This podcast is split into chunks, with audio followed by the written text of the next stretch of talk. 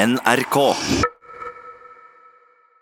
I dag har jeg med meg Finn Arne Selfors og Eilif Nordvang. Velkommen til Tett på.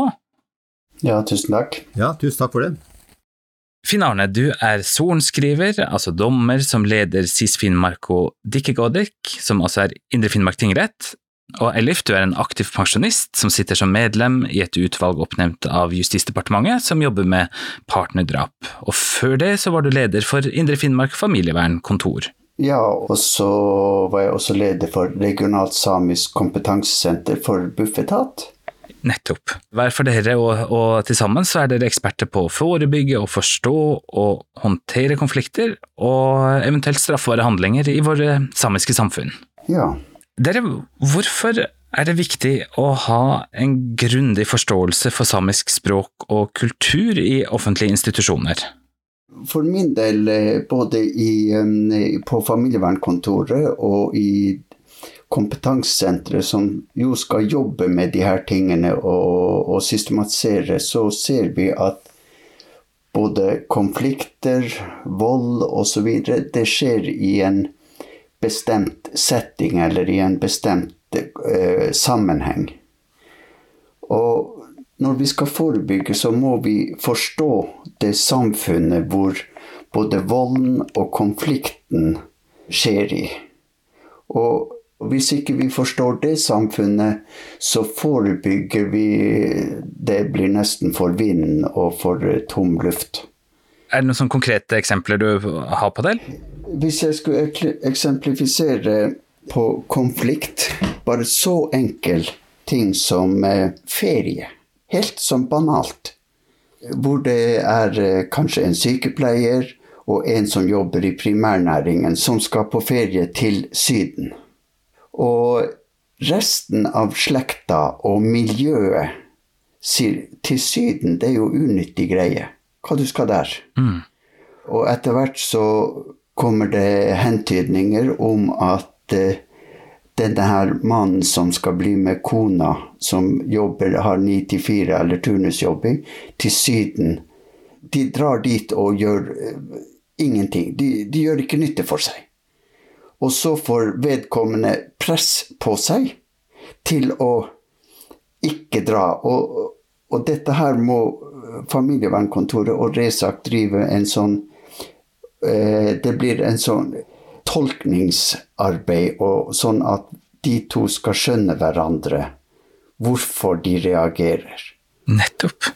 Og vi som er vokst opp i primærnæring, vi, vi tar det for gitt og kjenner, kjenner, det igjen tvert. For vi har vært utsatt for det samme sjøl. Ja. Så banale ting kan bli store problemer innad i en familie. Riktig.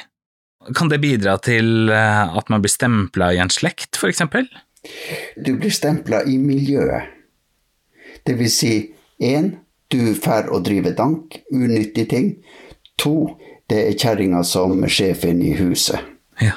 Du, du er under jernhælen. ja, men det er det som uttrykkes i en del miljøer. Hvordan kan man løse en sånn type konflikt? Samfunnet vårt er jo i endring.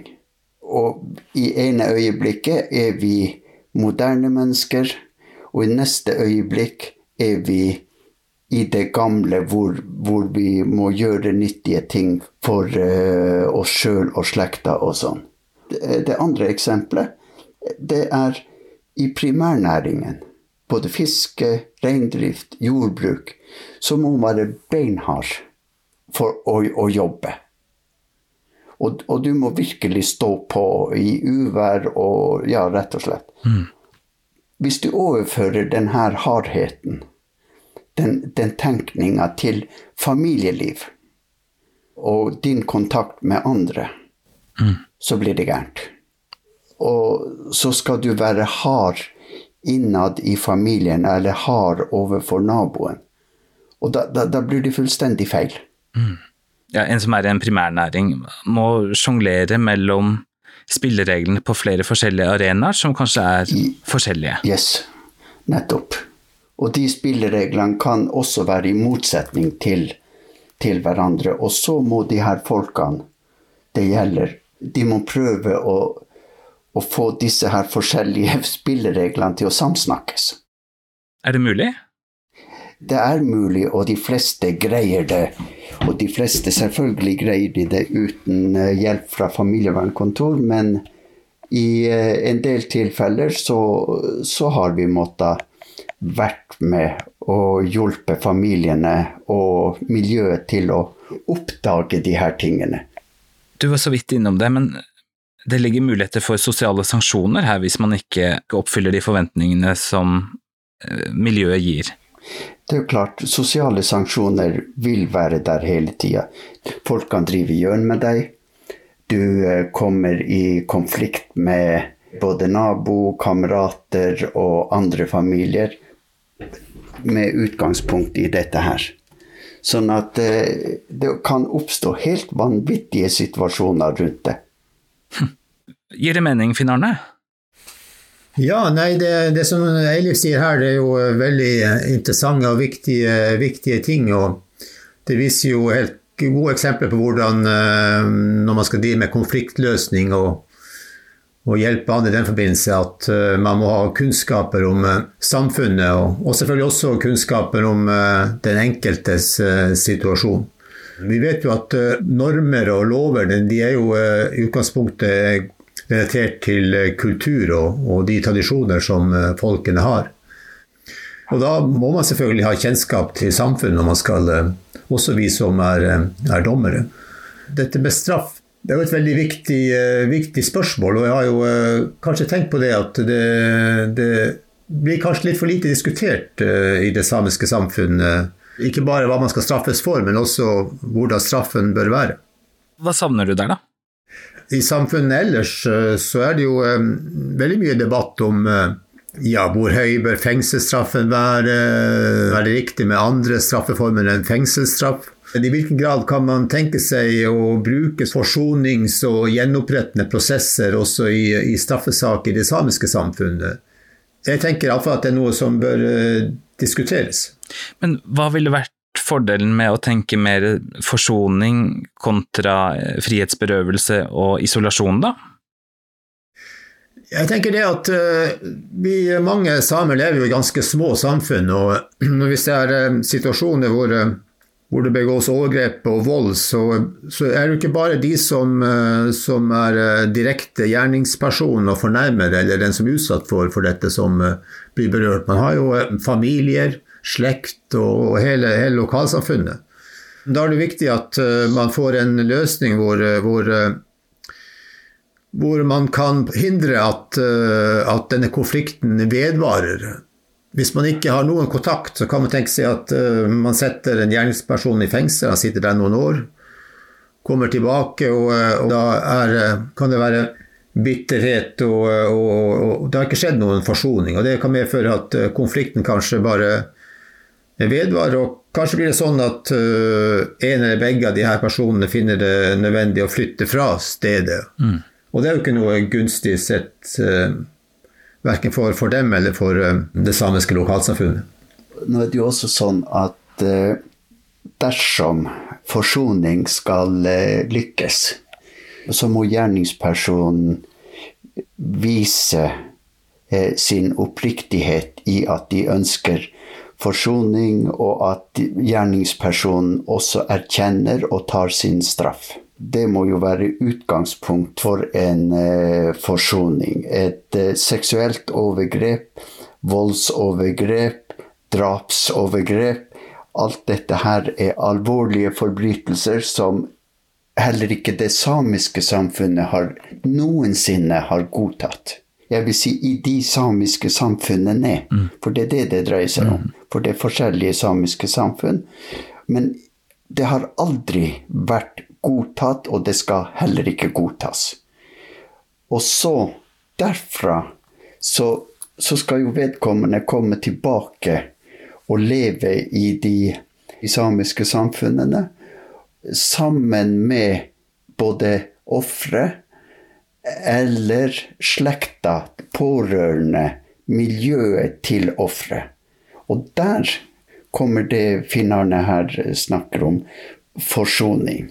Og da må både ofre Da må de godta at det skal skje en forsoning, men også at eh, gjerningsmannen erkjenner at det var jækla dumt, det jeg gjorde. Og det skal ikke skje igjen. Først da kan forsoningsprosessen begynne. En gjerningsmann kan ikke bare fyke bort til en eller annen og be om tilgivelse og fortsette sånn som før. De må også i handling vise at ting har endra seg, og at jeg er ikke sånn som tidligere.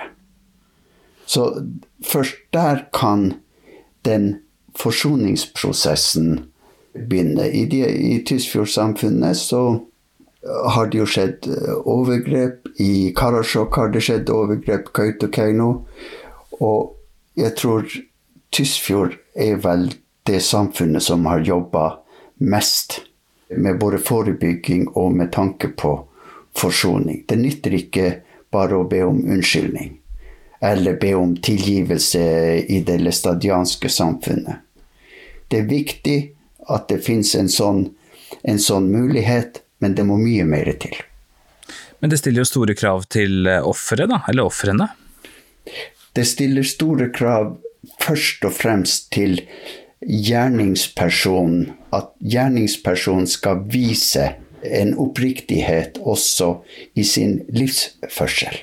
Først da kan offeret begynner å tenke på um, forsoning. Ellers så blir det en sånn halvforsoning, og offeret går og bærer på skadene etter et overgrep.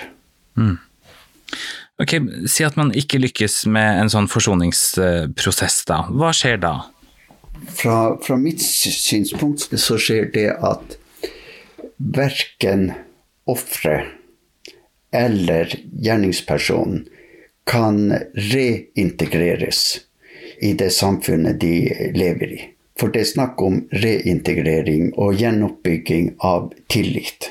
Og det tar, det tar tid, og gjerningspersonen må igjen og igjen og igjen bevise at 'jeg er ikke der jeg var den gangen'. Mm.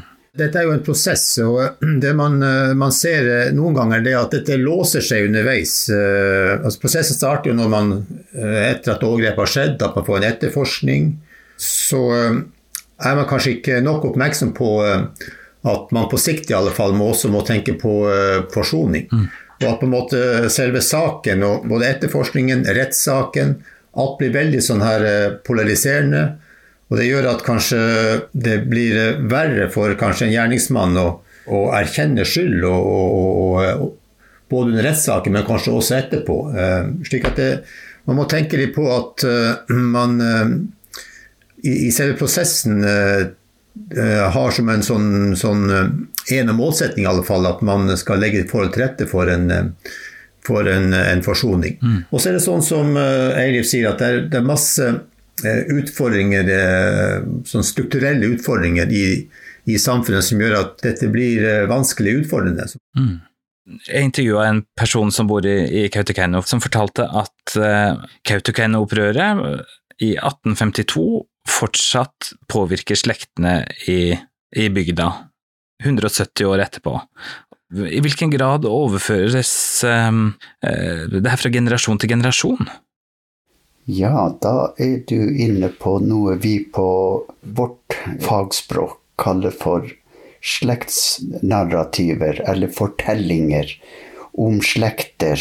Gode slekter, dårlige slekter, sånne slekter osv. Så sånn at historiene om, om oss sjøl, om familiene, de eksisterer du nevner Kautokeino, Kautokeino-opprøret. Det er klart, det lever.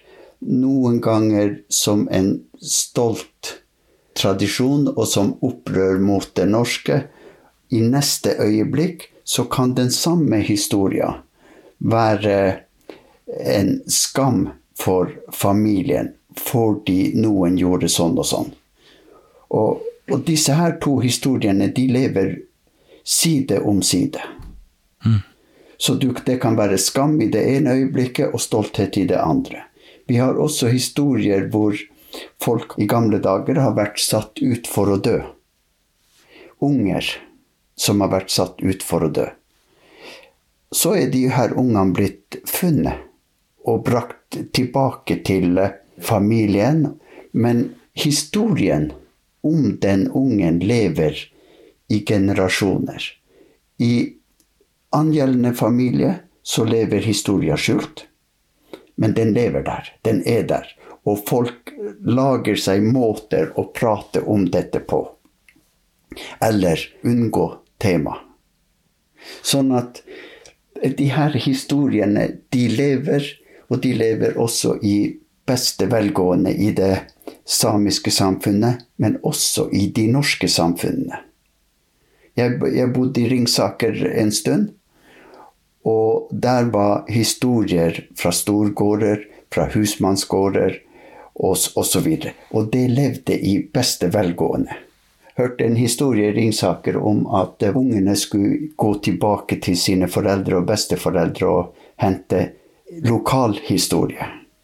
Historiene ble ganske mye diskutert, og boka ble, som de hadde laga, ble beslaglagt. Det var for sterke historier for noen av storgårdene og i forhold til husmannsvesenet. Og akkurat dette her, de store gårdeierne her i, i Sápmi, de store reineierne, de som drev og fiska, historier. Og hvis du går på joikene her, så finner du sånne dajahus. Vet ikke, Finnerne vet jo hva dajahus er på norsk. Det er jo teksten i joiken, de små, små tekststrofene som er underforstått. Ja. Der er det antydninger som holder de her historiene i live. Mm. Og de kan være ganske grusomme. Er de subtile, eller er de konkrete? For de som forstår, så er de helt konkrete. For de som ikke skjønner teksten, de skjønner ikke hva folk reagerer på. Nei. Dette her lever i våre samfunn. Tekststrofene kan være kjærlighet. Tekststrofene kan være bekreftelse på sånne her grusomme historier. Til den samme joiken. Avhengig av hvilket forhold du har til vedkommende. Men historiene opprettholdes, og, og familiene ja, rett og slett, de lider under dette her. Er det da også eksempler på at noen bruker joiken som et sånn maktmiddel for å holde andre nede, eller for å posisjonere seg sjøl? Sånn som jeg ser det, ja. Det er noen harde joiker hvor uh, noen joiker uh, at de er uh, rik, og at de har, de har, makt. Jeg har også vært borti joiker hvor de har trua andre i joiken. Noen joik er sånn at man kan legge til uh, disse noen tekststrofer uh, som gjør at uh, kan joike litt, litt med variasjoner i tekststrofene som gjør at man kan ta med den teksten som ikke er helt bra. Det her, det her viser jo det her at um, det er ganske viktig å kunne vite om denne samiske konteksten når man skal løse konflikter. Og det er jo det vi, vi starter med å snakke litt om. og det har jo selvfølgelig stor betydning for, eh, for hvilken opplæring man skal gi de som skal drive med, med eh, konfliktløsning. Og eh, det er jo kanskje en utfordring i, i Norge, fordi at man, man, får ikke gode nok kunnskaper om det samiske samfunn i utdanningssystemet. Det er ikke alle som lærer seg mye så mye om det samiske samfunnet, heller ikke om samerett. Og Det gjør at det, det, det, blir en utfordring når man skal eh, gå inn og ta stilling til eh, vanskelige, vanskelige konfliktløsningssaker. Mm. Hvordan har dere løst det mm, i Indre Finnmark tingrett? Det er jo en ung tingrett sånn sett, hvor dere som jobber der har både samisk kulturforståelse og, og behersker samisk språk. Det er på en måte ikke nok bare å si at man, man, er en del av det samiske samfunnet. Sånt. Man må kanskje være litt lære seg litt eh, mer inngående både eh, om eh, samisk historie og hvordan ting har, vært før. Det er, ikke, det er, ikke, alle som i dag får dette inn hjemme gjennom familien og slekta. Det er viktig at skolene kanskje i enda større grad går inn på og, lærer om de her forholdene som, som bl.a. Eilif her har, har, har, har nevnt. Mm. Men for vår del så betyr det at vi, vi er opptatt av å, å, gjennomføre interne kurs, seminarer. Vi snakker mye om dette på jobb, selvfølgelig. Vi har nå planlagt Dette måtte vi utsette pga. koronasituasjonen. Vi tenkte å ha et seminar hvor vi, hvor vi skal lære litt mer om, om samisk naturbruk i et sånn mer sånn her eh, perspektiv i forhold til hvilken betydning naturen har eh, for samene, samiske samfunn. Kanskje ut, ut fra gammel samisk tenkemåte. Det å berge seg sjøl er jo en viktig verdi i, eh, i, det samiske samfunnet, dette med, med selvberging. Men samtidig er det at Og der er kanskje en del konflikter som går på i hvilken grad skal man kunne bruke moderne tekniske hjelpemidler som f.eks. motorkjøretøy i utmark? Det, det, har jo vært et stridsspørsmål. Og eh, der tror jeg man eh, fra det norske samfunn kanskje tenker mye at det vi driver på med her, det er mer sånn fritidsbruk av naturen, og ikke, ikke noe vi gjør for å kunne videre, videre, videreføre og, um, våre høstingstradisjoner. Hvordan løser dere det i praksis? Altså, loven er jo lik for alle. I hvilken grad kan man ta hensyn til f.eks. samisk levesett, samisk sedvane, eh, når en sak kommer inn i rettssystemet? Ja, det er jo det er mulig. Altså, sedvaner og rettsoppfatning er, en, er anerkjent såkalte rettskilder som man kan legge vekt på. Hvis man legger, tar hensyn til til samiske sedvaner og eh, rettsoppfatninger, så kan man selvfølgelig tolke loven eh, noe utvidende. Og det er det rom for, men eh, hvis loven er utformet på en veldig klar måte, med en klar ordlyd, så kan det være selvfølgelig vanskeligere å, å, å, å ta hensyn til å legge avgjørende vekt på samiske sedvaner og rettsoppfatninger. Det er jo internasjonale rettsregler som, som regulerer dette. Og eh, vi har jo en uh, ILO-konvensjon som 169 som er, som er uh, kjent for mange. Og Der er det jo en egen artikkel som går nettopp på det at man skal ta hensyn til urfolks sedvaner. Mm. Det gjør jo at man i større grad, etter min oppfatning, kan vektlegge samiske sedvaner også i lovtolkingen enn en, en, en ellers. Jeg leste en sak hvor det var en reineier som som hadde drept eh, et dyr med å stikke det i hjertet. Og så mente aktoratet at det var brudd på dyrevernsloven, og forsvareren viste til at det her var vanlig ja, at det var, sånn, sånn, har man gjort det. Og den her gikk vel opp til Høyesterett, så vidt jeg skjønte? Ja, det var den som uh, kalles på norsk for hjertestikksaken. Det var ikke jeg som var dommer der, men den var, den var uh, behandlet i Indre Finnmark tingrett. og uh, jeg er nok enig med den som var um, dommer i saken der, at dette var en tradisjon som det kanskje ikke var uh, nødvendig å videreføre. Det er jo ikke sånn at alle samiske tradisjoner nødvendigvis uh, må videreføres i, i, i, dag. Nei. Sedvaner og tradisjoner er jo sånn at de utvikler seg i, i tråd med, med, samfunnsutviklingen ellers. Og når det akkurat gjelder dette med å drepe eller avlive reinsdyr, så så har vi jo fått denne, denne muligheten å bruke krumkniv for å bedøve uh, dyret før man tapper ut blodet, f.eks. Mm. Og det gjør jo at det kanskje ikke er noe sånn stort behov lenger for dette med å stikke direkte inn i, i hjertet. Jeg tror resultatet der var ganske riktig, det som Høyesterett kom frem til. Men problemet i den der, saken der det var kanskje det at Høyesterett gjorde vurderinger som har vært førende for, eh, for at eh, samiske sedvaner ikke kan legge så mye vekt på. Så det har vært, sånn sett vært en litt uheldig prejudikatsvirkning, eh, slik jeg ser det. Er det noen sånne lover eller paragrafer som åpenbart er på Altså hvor man er på kollisjonskurs med hverandre? Odelsloven er nok det mest kjente eksempelet, i og med at man i det samiske samfunnet heller har hatt en regel der hvor yngste hjemmeværende barn har en fortrinnsrett. I vår tingrett har vi også vært borti saker som gjelder laksefiske eh, i Tana-vassdraget. Vi har også eh, vært, eh, hatt, hatt eh, saker for reindriften hvor, eh, hvor mange fall mener at eh, reglene om reintallsfastsettelse ikke er i samsvar med tradisjonen innenfor, innenfor reindriften. så er det jo sånn at uh, loven i mange tilfeller uh, gir rom for, uh, for bruk av skjønn. Jeg nevnte tidligere at det er muligheter å tolke loven utvidende eller innskrenkende til, for å ta hensyn til samiske sedvaner.